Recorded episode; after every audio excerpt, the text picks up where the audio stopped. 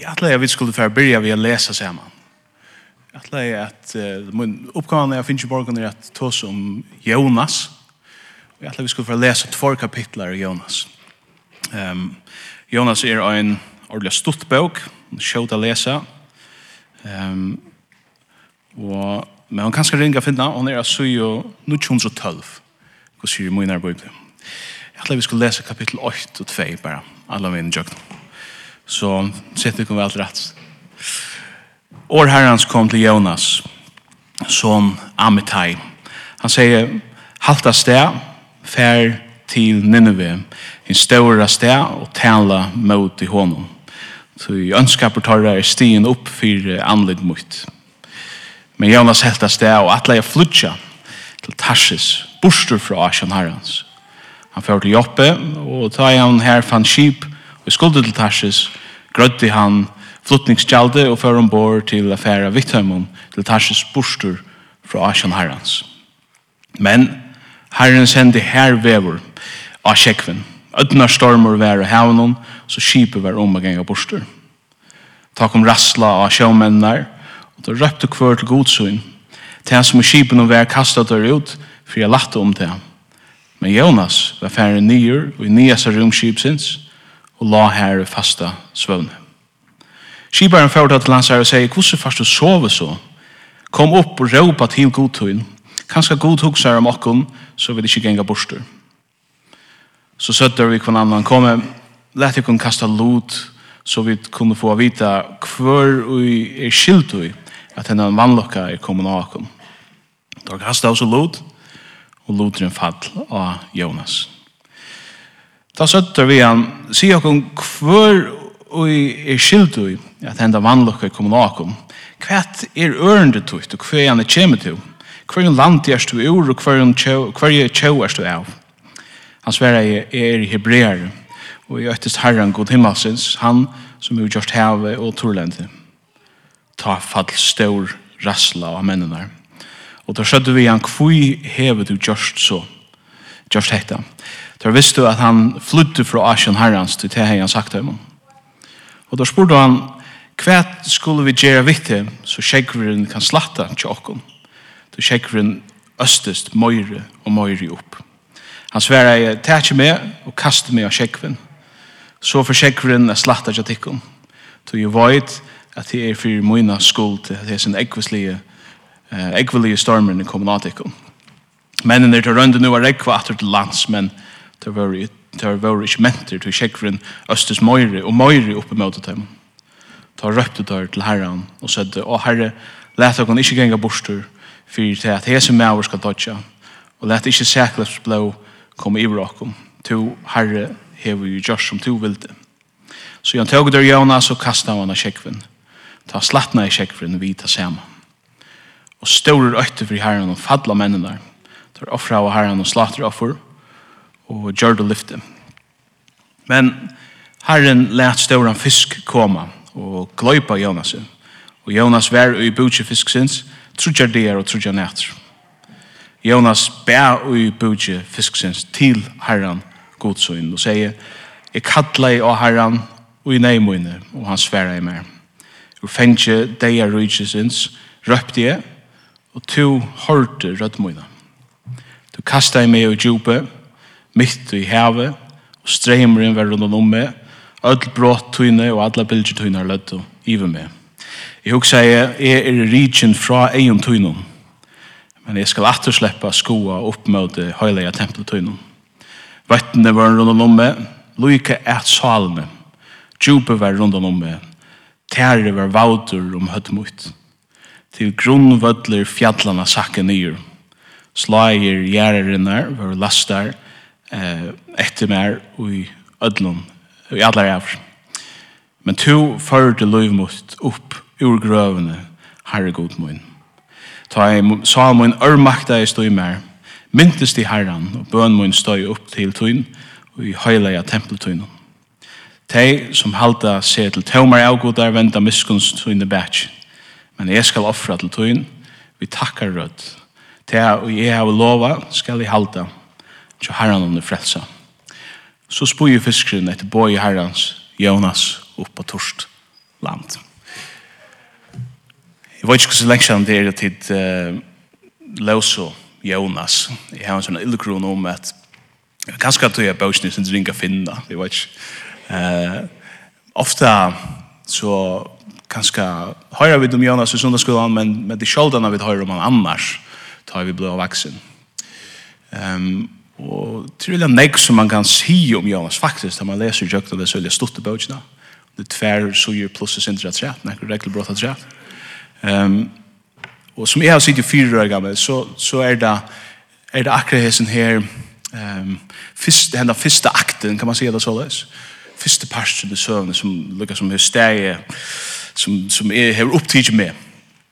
Um, etter vi, um, hvordan Jonas vil kattlaur, opprunalega, og hvordan han eh, noktar at gjøre det som god byr han gjøre. Og jeg ser man flutjar han av sted. Det som er avverst er at vi vet vel hva Nineve er, at han bor i Stilmøyr, i halde som jeg skilta så ligger Mosul her nå Vi har hørt om det her i forhold til Syria og ISIS og alt mulig. Men han ikke vet det ordentlig hver Tarsis vær. Så som jeg skilta så, så var Tarsis sin som Eh, en bor i Kina eller så, så långt bort till stan. Alltså det var så långt veck som man kunde komma i röv. Och det var just bort hin vägen. Så så Jonas han han vill bara släppa undan. Ehm till som eh undan på en guds. Ta boy som god given ta ta ta inshallah att uh, fylla. Och ta för konsekvenser för han som vi då läser. Ehm um, longer and flutchar Moira växa konsekvensen. Till ända så sitter han här i en, en risastörn storm han är ju luftsvanta och faktiskt var han blackout i havet och så vis han var till att dodja men han var så bjärgad han kallar och herran och jag också akkurat hetta motivet vi ska föra tosa syndrom till ehm om om olutne i världen det det som som är tema i Jonas vil kalla over, men han sier nøy. Han er øvløyen. God byr han gjerne at han sier nøy. Han er øvløyen. Um, og det fyllt han har konsekvenser vi hans her øvløyene. Og til rett til det som jeg atlever vi skal tukse synder om i morgen, eller det, eller nær det. Um, øvløyene er møte god. Det her er et annan navn, og til synd. Jeg atlever jeg hitja synder etter hva er det nå som Jonas kan lære okken, og om synd, om konsekvensene av synd, og om nøye gods. Alt som jeg legger mest til da jeg leser det er at fire Jonas, så er hans her avløtene, uh, og hans her synd, synd er av en prosess. Etla det er ikke en avvis gjer, men det er en støva som, som han er roi, som utvikler seg mer han lukker som er roi henne. Han, han, de spør seg, bare så, han sier korsan og så sier han her han sier nøy, han fyrir sted, og han sykler, og, og så videre, så videre. Eh, og alt sammen alle som bytjer det seg opp til, til han eh, Annastan i årtøknen løs, er at den godleise maveren han detter i feddlene som han selv har lagt. Og så er det for Jonas at han ser ålytne, han blir lukket som viklaveren nøyde, at han får større og større troblager ut. Og jeg husker jeg kan godt si for meg selv, at jeg husker om, ta jeg er god til ålen, ta jeg ræfeste meg selv, mine, mine innskjer, fram om innskjer som god til firmen. Så det er et eller annet vitt at jeg, jeg halte fast ut, og jeg blir vi, og det blir verre og verre. Um, ikke bare samviskan blir verre og verre, men veldig ofte så ganske relationen til en person som, et eller annet konsekvensen er växa allt med allt ehm um, långre är ju i syndene större blåa konsekvenser. Och i i mynd mer. Jag vill så vid sätta och ner kanske ger vi det för förlut i nästan ständer vi skulle jotta syndrockar för kvar nu. Men i förstått mig hvis vi sätter och ner och fortalt om synder som vi strujast vi här inne så kunde vi fortalt det synder det samma.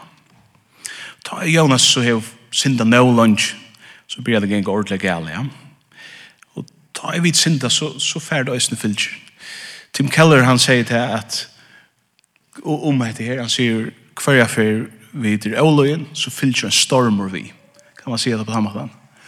At ta i vid i god i åløyen, ta i vid i mødre hans er boven, ta i vid i mødre hans er vilja, ta i vid i mødre hans er atlan, så færd fylgjer.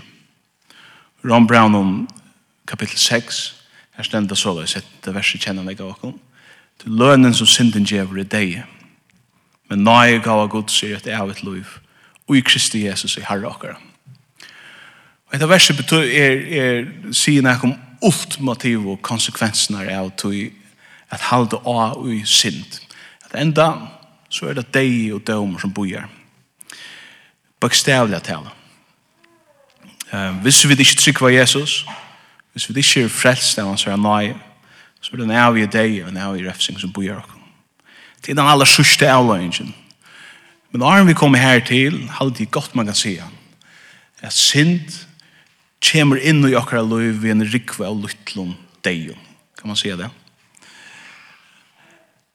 At og i munnen sambandet vi til som vi elsker kommer en kulte. Og i og ja, man kunne nettopp noen rikva av øren ting. Deie kommer inn, ta synden kommer inn. Øysene for jokkene som er tryggvand. Det betyr ikke at hver for det gonger idla, øysene alvorlig idla, så er det tog vi det var synda. Det kan godt være, idla, det er så løs, at ta i vi, ta i vi til åløy, så fyller jo en stormer vi. Men det er ikke alle stormer som vi opplever som kommer av akkurat egna åløytene. Jeg halde av ankte så er vi som disse sjåmenner som bærer fengkeier som baten om. Og det er ikke akkurat skilda det er så løs.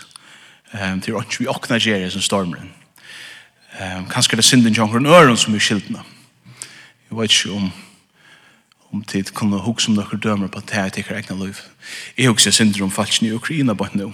Ja, det er ikke tørre skilt. Det kunne ikke gjøre det. Det er personer og, og, og makter som er større enn det som har skiltene at hei er jo en storm på nu.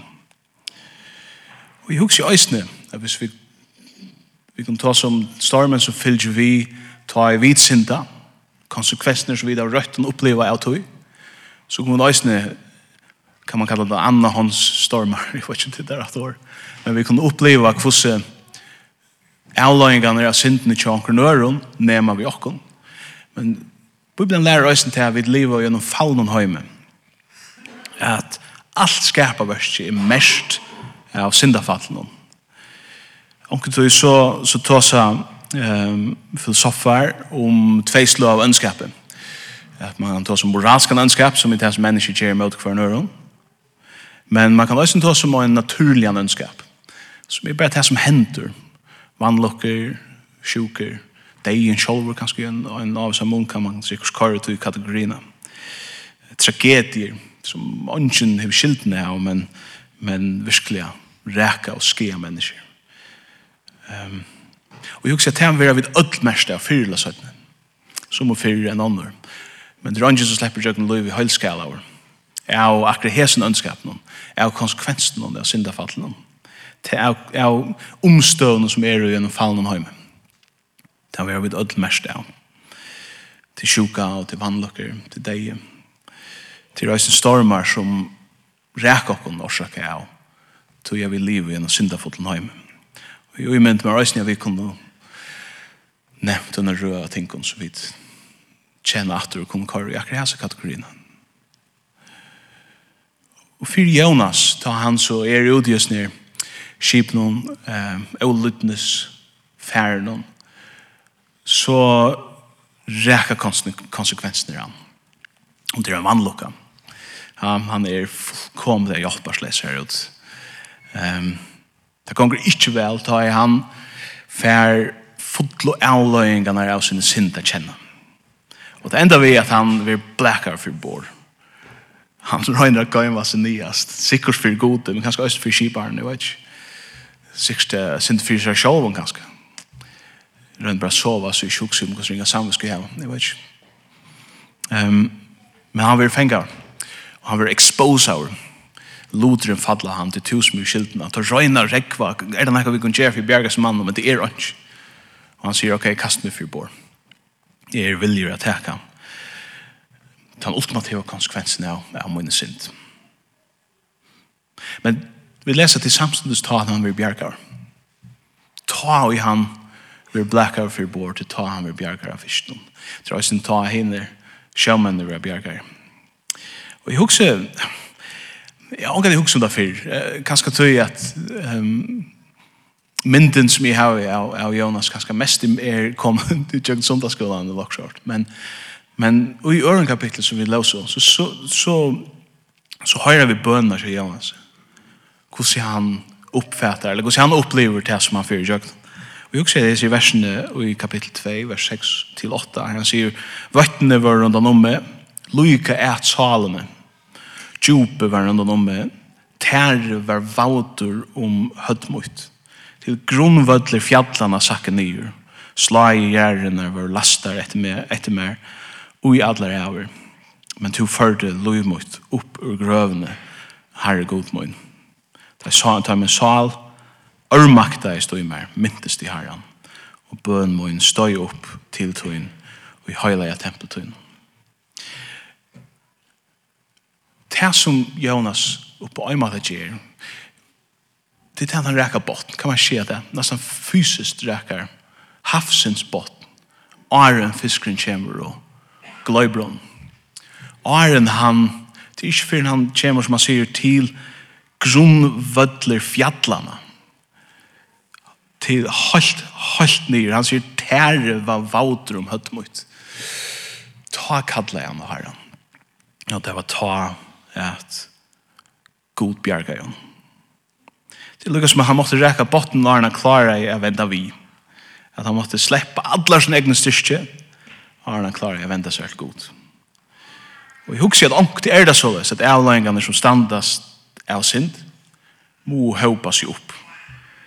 Are nøyen klarer at brød til kjøkkenen og ståttlegger okkara lukka sæl okkara rettviskjeringar.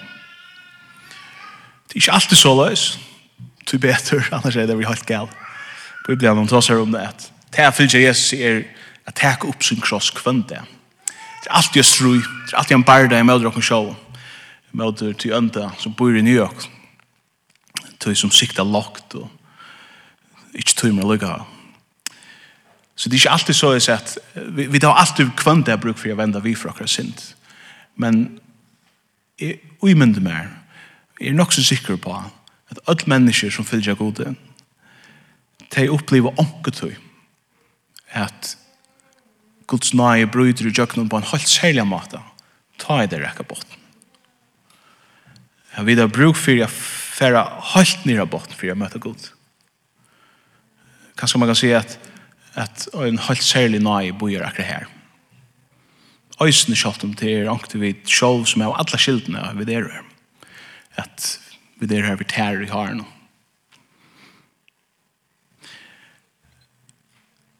Kvært er dette så fyrir nøy? Hva er det for nøy som vi møter her? Jeg, jeg vil ordentlig gjerne vi færre et, et stigkipre. Um, det er ikke et generelt prinsipp som er ute i universet nok. Det er færre man ikke inntrykk av, så er så folk tåsa. At, at God, han er så fytter, at hvis det gonger ytla tjokken, så kommer han hjelper okken. God, han hever uh, utrolig enn egen omsorgen. Han gjør en rikva gøen ting om fyrir, en rikva av falkom. Men det er veldig viktig at minnes til, tar vi stand til her, um, eller sitte her i en samkombygnitje, tar vi der folk som fylgja Jesus, at Guds nøye hever et helt bestemt skap Hon er en helt bestemt en form. Det er ikke bare generell vinalighet fra Guds suje, laksjort. Og så får man et inntrykk av at det er slag sånne terapeutiske tismo teismo, laksjort. Kan man si det på den måten? God vil gjerne vi skulle ha det godt. Og tog er han her, tar vi det her, det ringt til oss. Og jeg vil ikke anvira det her på nærkere måte. Men det er utrolig viktig at vi minnes til at heter en helt bestemt konkret nøye fra gode som møter okkom av botten.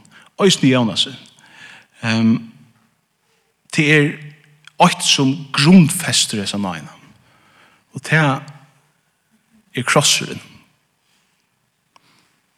Jesus han tog seg øysten jævna om, om Jonas.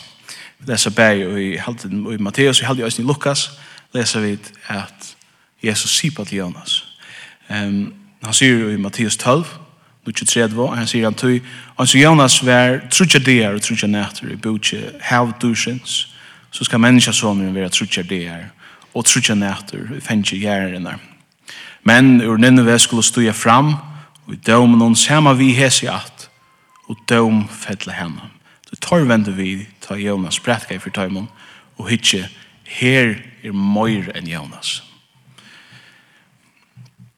Det vil si at Jesus han setter seg sjåan lukka som inni løykluten seg Jonas. Ongt har vi hukse om ta Jesus stilla stormen, ta han svever i baten sier at han hever røysten en sånn Jonas ivetøvne. Men her sier Jesus sjåver, jeg er lukka som Jonas. Jeg kommer til tikkara, vi gods døme og vi gods nøye. Lukka som Jonas kom og sier, hvis tid ikke vender vi, så fer god å døme dekken, men det kunne godt vende vi og god for fyrir av dekken. Så gjør Jesus det samme. Han er han som er møyr enn Jonas. Og Her som Jonas tåsar vi faktisk i Ninve, så tåsar Jesus til okken ødel og sier at Guds dømer bojar tøymon som ikke vender vi, men Guds nøye bojar tøymon som gjør det. Jesus, han er Guds udratta hånd til han drukna han i heim, Men hendan hånden er nakla mest, kan man se det på noen måte.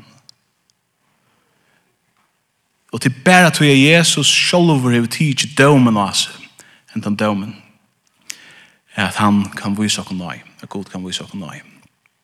Det er det som er møyne vi tar jeg sier, det er en helt bestemt nøy.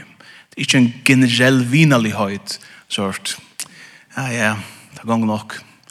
til god er en rettvis god, og akkurat synder er alvorlig, Men god er en kærleksfull god, så at han teker dømen av seg sjåan.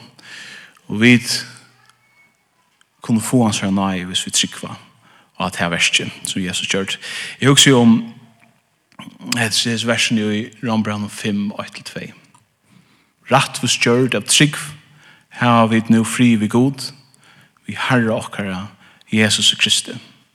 Vi hånden her har vi døysten finnes i erkongt, vi trunne til til hvert, til det som nøye vil stande i. Jeg kom til så vidt her at det Guds nøye er bare Jesus jeg takker.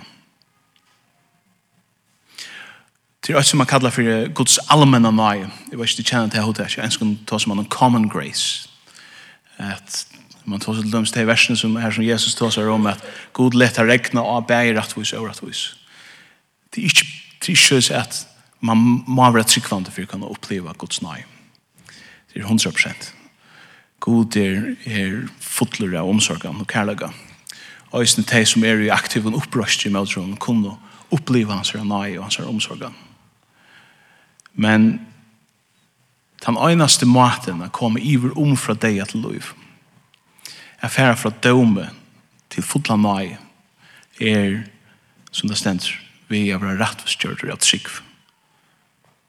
Av trygg for Herre okkara Jesus Kristus. Amen av krossen hon, kan man säga, för Jesus nyer av botten fyr i och kan det ganska samman vi och kan man nästan se. Han tog okkara dom av se. Han tog okkara deja av se. Och som Guds fullkomne soner som er synda frukt människa så orskar han lite den domen. Han tog okkara deja av se han var på, man kan säga, på samma måte som Jonas på en måte.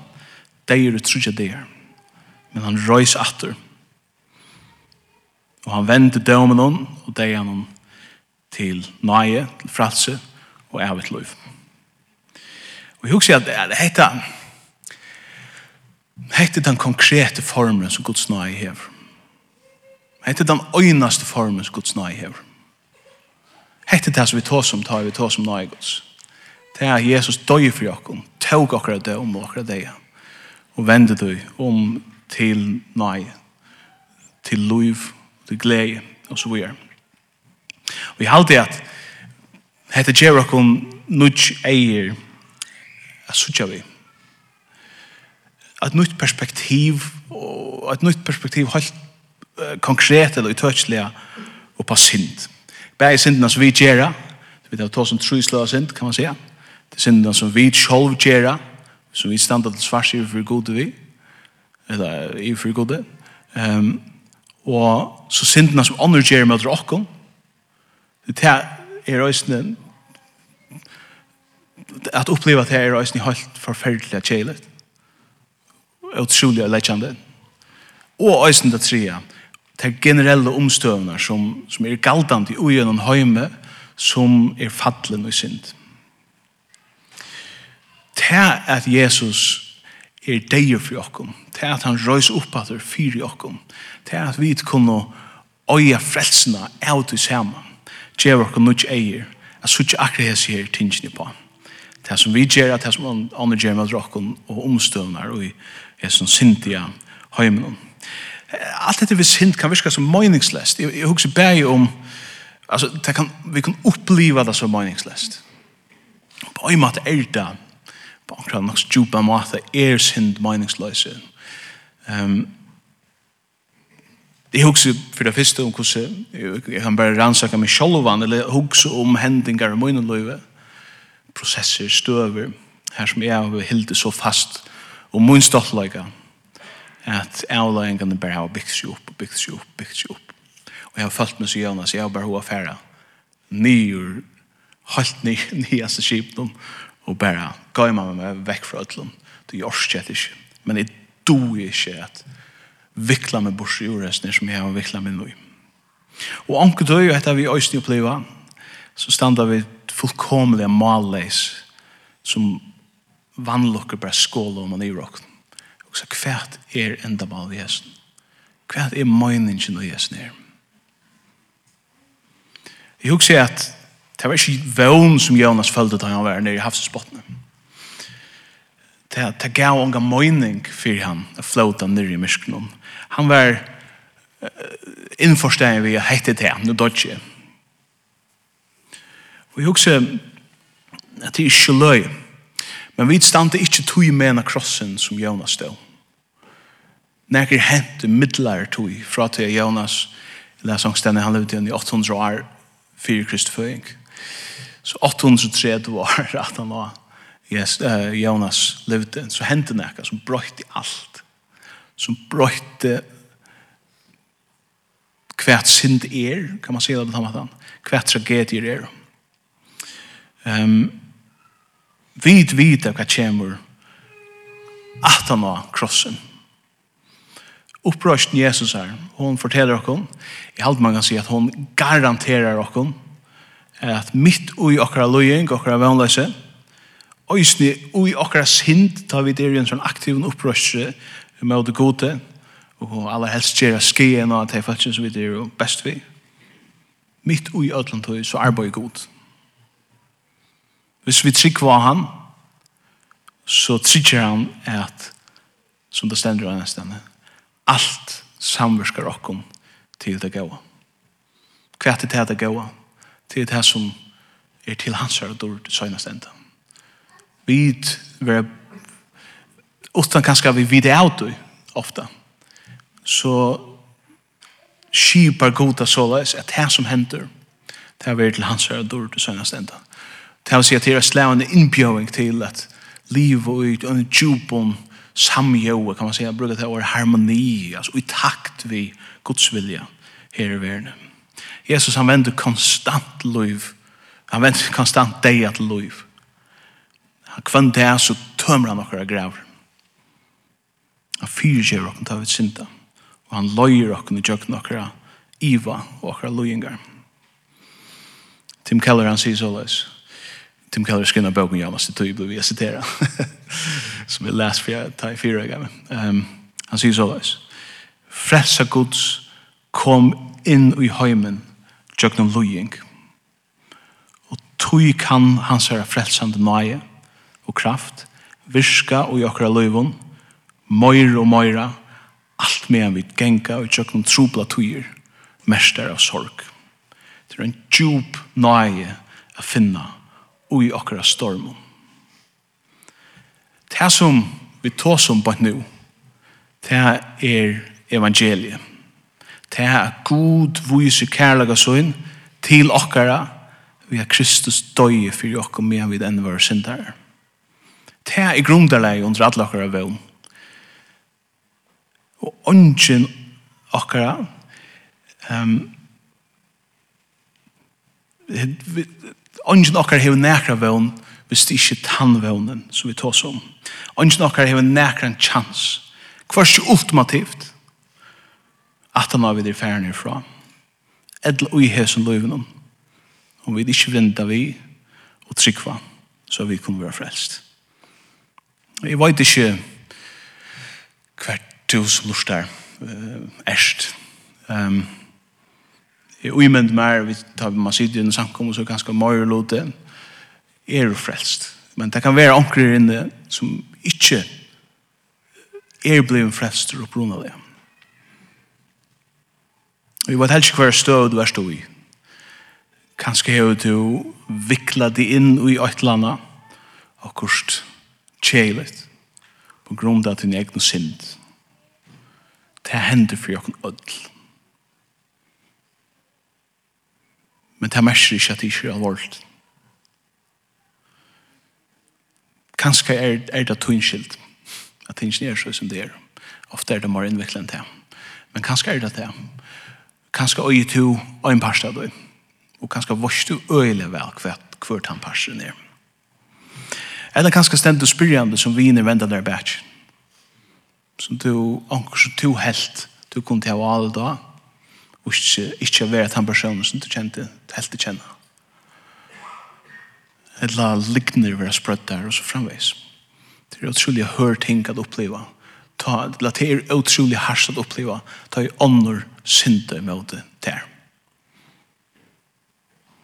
Edla er det at sia Det er to ordentlige samarbeid nå, hvordan jeg ønt et sted i sin høymre ned.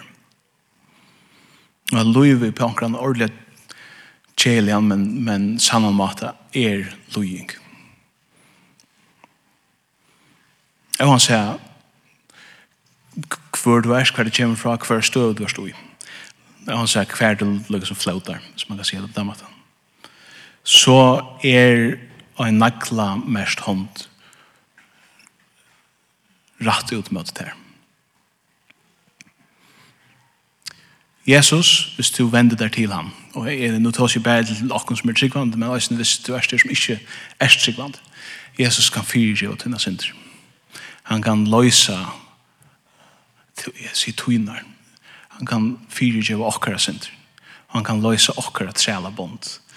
Dess bondene vil leggja okkara sjolv i en større mån. Samståndet så kan Jesus gjeva okkara et atjer, hvis man kan blanda myndene sammen, det synder, og et atjer som heldur, øysene tar vi vera svitjen. Øysene tar vi byrja iva, ser det mer det gale vi. Hva gong fyrir seg her? Ta djevor Jesus er kærløyge, han er nøye, og han er konkreta nøye av krossen om, og om et støvefeste som ikke kan flytast. Og samstundes, og det tria som vi tar oss om, så djevor Jesus okkom, og en vevn, og et stavnhalt, og et frikjøl, ta i vidt standa fullkomlig av maleis og sier hvordan kan dette hende for meg? Hvordan kan dette hende for den akkurat familie? Hvordan kan dette hende for den personen som er så gav i? Hvordan skal jeg orska bedre dette? Da er Jesus øyne her. Ødel hese tru aspektene av synd er omfæta av frelsene som Jesus bjóar okkom Jesus døye, han tåg okkara deg, han tåg okkara byrar, og han orska jeg litta der, og han døye, og han røys opp atur, og det er lyfte for okken, det er loiv at han deg. Jesus heldur okken i sønner i hånd. Hvis vi trykva. Kanskje er du bruk for å komme atter til god, kanskje er du bruk for å komme til god, opprunelig, uansett hva du erst, så vil bare etja det til å gjøre det.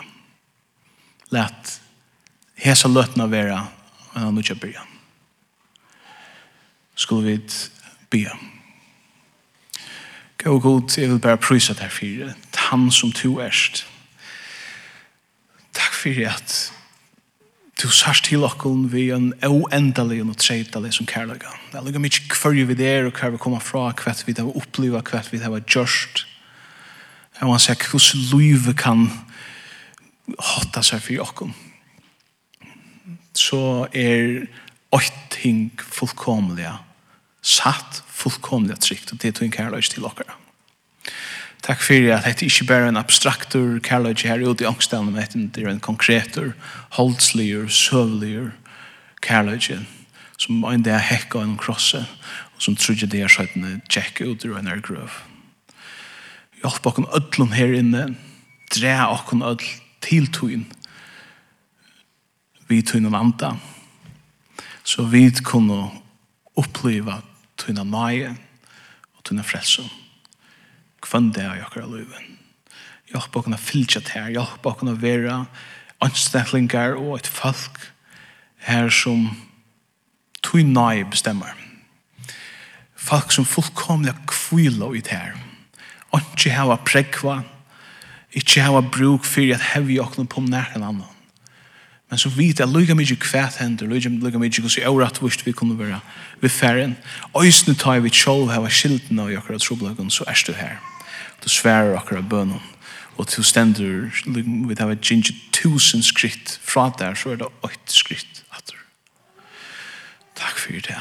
Jeg vil be for hver nøyens som er her inne, at du som kjenner først har at du har hadde at du signa deg av precis den maten som deg har bruk for å bli signa på nå.